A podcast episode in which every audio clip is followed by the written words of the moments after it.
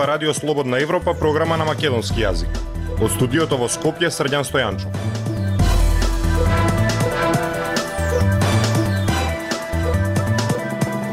Ја слушате емисијата на Радио Слободна Европа, почитувани. Во неа објавуваме. Центарот на Скопје станува бетонска джунгла. Се гради на секој преостанат слободен простор. Арачиново доби струја, ветување дека ќе нема нови кражби. Обиди за спречување нуклеарна катастрофа во Запорожје. Слушајте ме. Независни вести и анализи за иднината на Македонија. На Радио Слободна Европа и слободнаевропа.мк. На плац од 100 квадратни метри се гради зграда од 4 ката плюс подкровје. Центарот на Скопје се претвори во бетонска джунгла. Инвеститорите го користат секој преостанат слободен простор.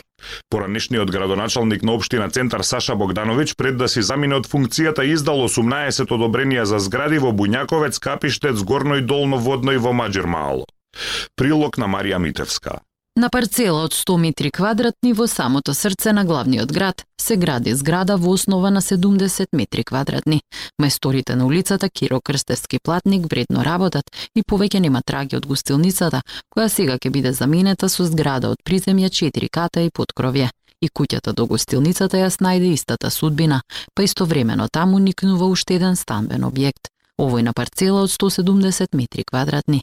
На неколку метри одалеченост на улицата Коста Шахов позади студентскиот дом Кузман, исто така уште една куќа заминала во историјата. На максимална површина за градба од 100 квадрати, а на парцела од 200 метри квадратни ќе има уште една зграда.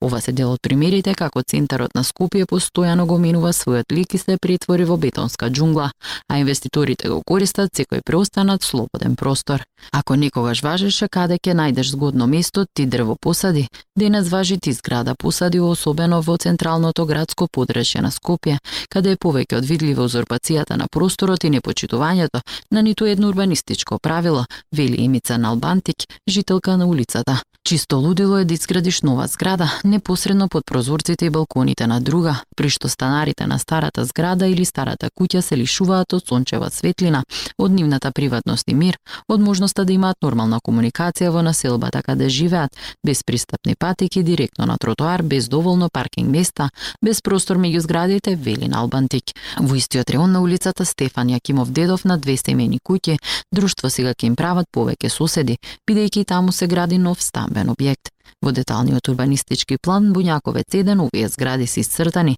а откако Ставниот суд донесе одлука да го укине мораториумот за градба на општина Центар на инвеститорите, им се отвори пат да добијат дозволи за градба. Имаме инвеститори кои не бираат средства да направат профит, архитекти кои на сила сакаат да избилдаат кариера и исто така да направат профит, собственици на локации чии исто заложници сме со години кои што врз основа на своите трошни куки сакаат да добијат што е можно повеќе квадрати и настанува општи хаос кој што на некој начин општината со мораториумот се обиде да го спречи. Вели поранишната председателка на Асоциацијата на архитекти Сања Рагеновиќ, која додава дека е жал што единствената општина која со мораториумот се обиде да стави крај на урбаното дивење, не успеа во тоа. Радио Слободна Европа, светот на Македонија. Арачиново доби струја од како се најде привремено решение. Загубите на оваа, но и на другите општини ги плаќаат оние кои редовно си ги плаќаат сметките за струја. Загубите на струја само во Арачиново според Евана се 6 милиони евра годишно. Јасмина Јакимова. Екипите на Евана конечно добија ветување дека ќе можат непречено да работат во општина Арачинова. Откако изминатата недела, голем дел од жителите три дена останаа без струја, бидејќи трафостаницата се оптоварила поради неовластено користење на електричната енергија. Случајот беше решен со носење привремено решение, барем така го нарече министерот за економија Крешник Бектеши во објавата на Facebook, откако Рачиново повторно доби струја. Но детали за привременото решение кое треба да спречи идни вакви ситуации нема. Од Министерството за економија на нашето прашање упатуваат на пресот од пред неколку дена, каде министерот изјаве дека ќе им се дозволи влез на екипите на ЕВА во општината, па на тој начин ќе почне да се наплаќа струјата во општина Рачиново. Министерот побари да не се прави драма од случајот, посочувајќи и други општини каде има загубена електрична енергија, како на пример Куманово, каде загубите биле 16%, Гостивар 19%, а во Скопје дури 19,6%. Од Ивана пак велат дека според договореното, нивните екипи излегле на терен за инспекција и реконструкција на мрежата. За наплатата на украдената струја не коментираат, освен што појаснуваат дека загубите само во Арачиново годишно се 6 милиони евра. Овие загуби заедно со оние во другите општини ги плаќаат сите што редовно си ги плаќаат сметките за струја. Професорот Константин Димитров, кој е експерт за енергетика, вели дека случајот во Рачиново е приказ на нефункционалноста на државата. Нема фате, нема кражба и се си продолжува по исто.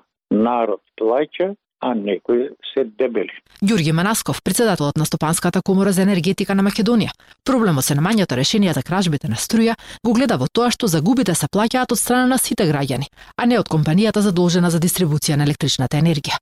Затоа смета дека долгорочно решение на овој проблем би било враќање на дистрибуцијата на струја под капата на државата. Точно е дека е субвенционирана струјата за граѓаните, али државата за да ја субвенционира мора повторно некој да ја плати зошто тој профит мора се Евана да го зима, што е преку една милиарда штета што Евана ја добива, ја изнесува надвор од Македонија. Сметките за струјата домакинствата изминатата година пораснаа два пати. Прво за 10% во јануари, а во јули за уште 7%, при што беше воведен и нов тарифник. Актуелности свет на Радио Слободна Европа. Експерти од Меѓународната агенција за атомска енергија ќе посетат нуклеарната централа за Порожје во Украина, објави шефот на агенцијата Рафаел Гроси. Русија и Украина разменуваат ракетни напади околу објектот кој сега е во рацете на русите, но во него работи украински персонал. Пренесува Гоце Атанасов. Мораме да ја заштитиме безбедноста на најголемиот нуклеарен капацитет на Украина и на Европа, напиша Гроси додавајќи дека тој ќе ја води мисијата. Заробено од руските војници во март, но управувано од украински персонал, Запорожје, најголемата нуклеарна централа во Европа, беше главното жариште во шестмесечниот конфликт при што двете страни ја разменуваат вината за неодамнешните гранатирања во близина на централата. Последниот од четирите редовни далноводи што ја снабдуваат руската нуклеарна централа во Запорожје беше накратко прекинат во минатиот четврток, што значи дека централата мораше да прибегне кон резервна енергија за прв пат, намалувајќи својата одбрана од топење. Во сите нуклеарни централи фисијата на нуклеарното гориво испушта топлина за потоа да произведе пара, што ги движи турбините за да генерираат електрична енергија. Тој процес мора да се контролира за да се спречи верижна реакција која ќе се прегрее и во најлош случај ќе предизвика топење, како оние во Чернобил или Фукушима. Реакторите, како шесте во Запорожје, од кои два се во функција, имаат основно коло за ладење во кое електричните пумпи туркаат вода низ јадрото на реакторот. Одржувањето на напојувањето е од клучно значење за таа работа. Ако ладењето е прекинато, горивото може да се загрее во рок од неколку часа до температура на која може да се оштети и да почне да ослободува високо радиоактивни производи за фисија, вели Едвин Лајман, директор за безбедност на нуклеарната енергија во Унијата на загрижените научници со седиште во Соединетите држави. Доколку на крајот не се обнови соодветното ладење, горивото може да се стопи низ челичниот сад на реакторот и, во најтешка ситуација, конструкцијата за задржување може да истече или да пукне, ослободувајќи производи од фисија во околината. Ако реакторот се исклучи горивото, како и она потрошеното, не може да остане без ладење подолго време. Тие мора да имаат струја со централата. Тие мора да го одржуваат нуклеарното гориво ладно во реакторот, вели Марк Хипс, виш соработник во програмата за нуклеарна политика во Карнеги фундацијата за меѓународен мир. Ниту еден независен инспектор до сега немаше пристап до да Запорожје, откако руските сили го зазедоа во март. Култура и уметност на Радио Слободна Европа.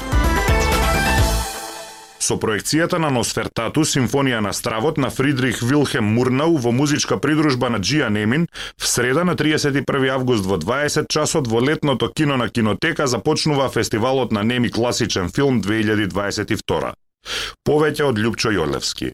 Во кинотека минатата година, од 10 до 16 август, беше заокружено и првото издание на фестивалот на неми и класични филмови. На делата кои своевремено биле на, на целулоиден 35 мм формат, како печат на времето во кое се создавале, а денес ја имаме можноста да ги гледаме во нови формати и во нивните дигитални и реставрирани верзии. Иако на првото издание акцентот беше ставен на иконите на францускиот нов бран, делата на Жан-Лик Годар, Франсуа Трифо, Клод Лалуш и на трилогијата на украинскиот режисер Александар Довженко, годинава од Кинотека и Кино Балкан како организатори за вториот фестивал е стокмена понуда која во периодот од 31 август до 7 септември во предвидените 14 термини за прикажување ќе биде прикажана шаренолика, но исклучително интересна филмска програма. За почеток е одбран Носферату, Симфонија на стравот, филм на Фридрих Билхем Мурнау од 1922 година, кој на скопската публика во случајов ќе биде представен со музичка придружба на диригентот, композиторот и мултиинструменталистот Джијан Емин. Пред многу години, уште кога бевме на почетоците со ДНО, со нас работеше Малком Брн, тој е познат продуцент.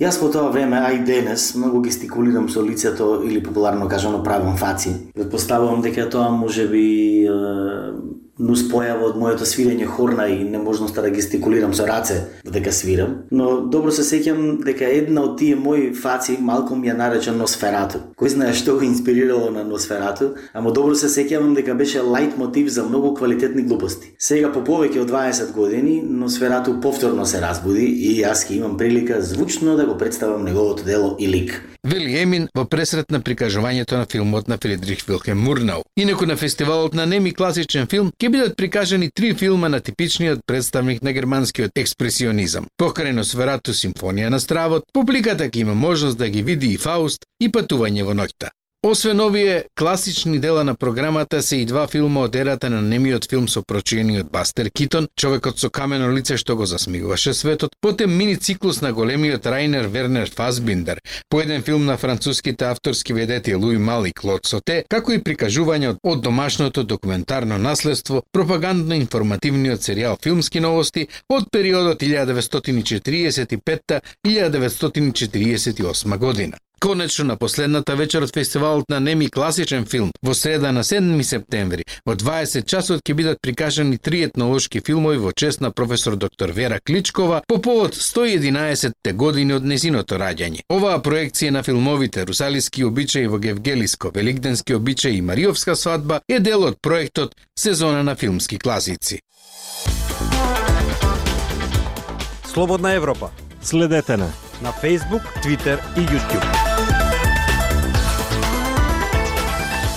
Посетителите на Facebook страницата на Радио Слободна Европа не веруваат во изјавата на директорката на Управата за јавни приходи Сања Лукаревска дека буџетот не е празен. Читателите коментирале дека граѓаните го полнат буџетот, но тој се празни со наместени тендери, партиски вработувања, службени возила и службени бифтеци.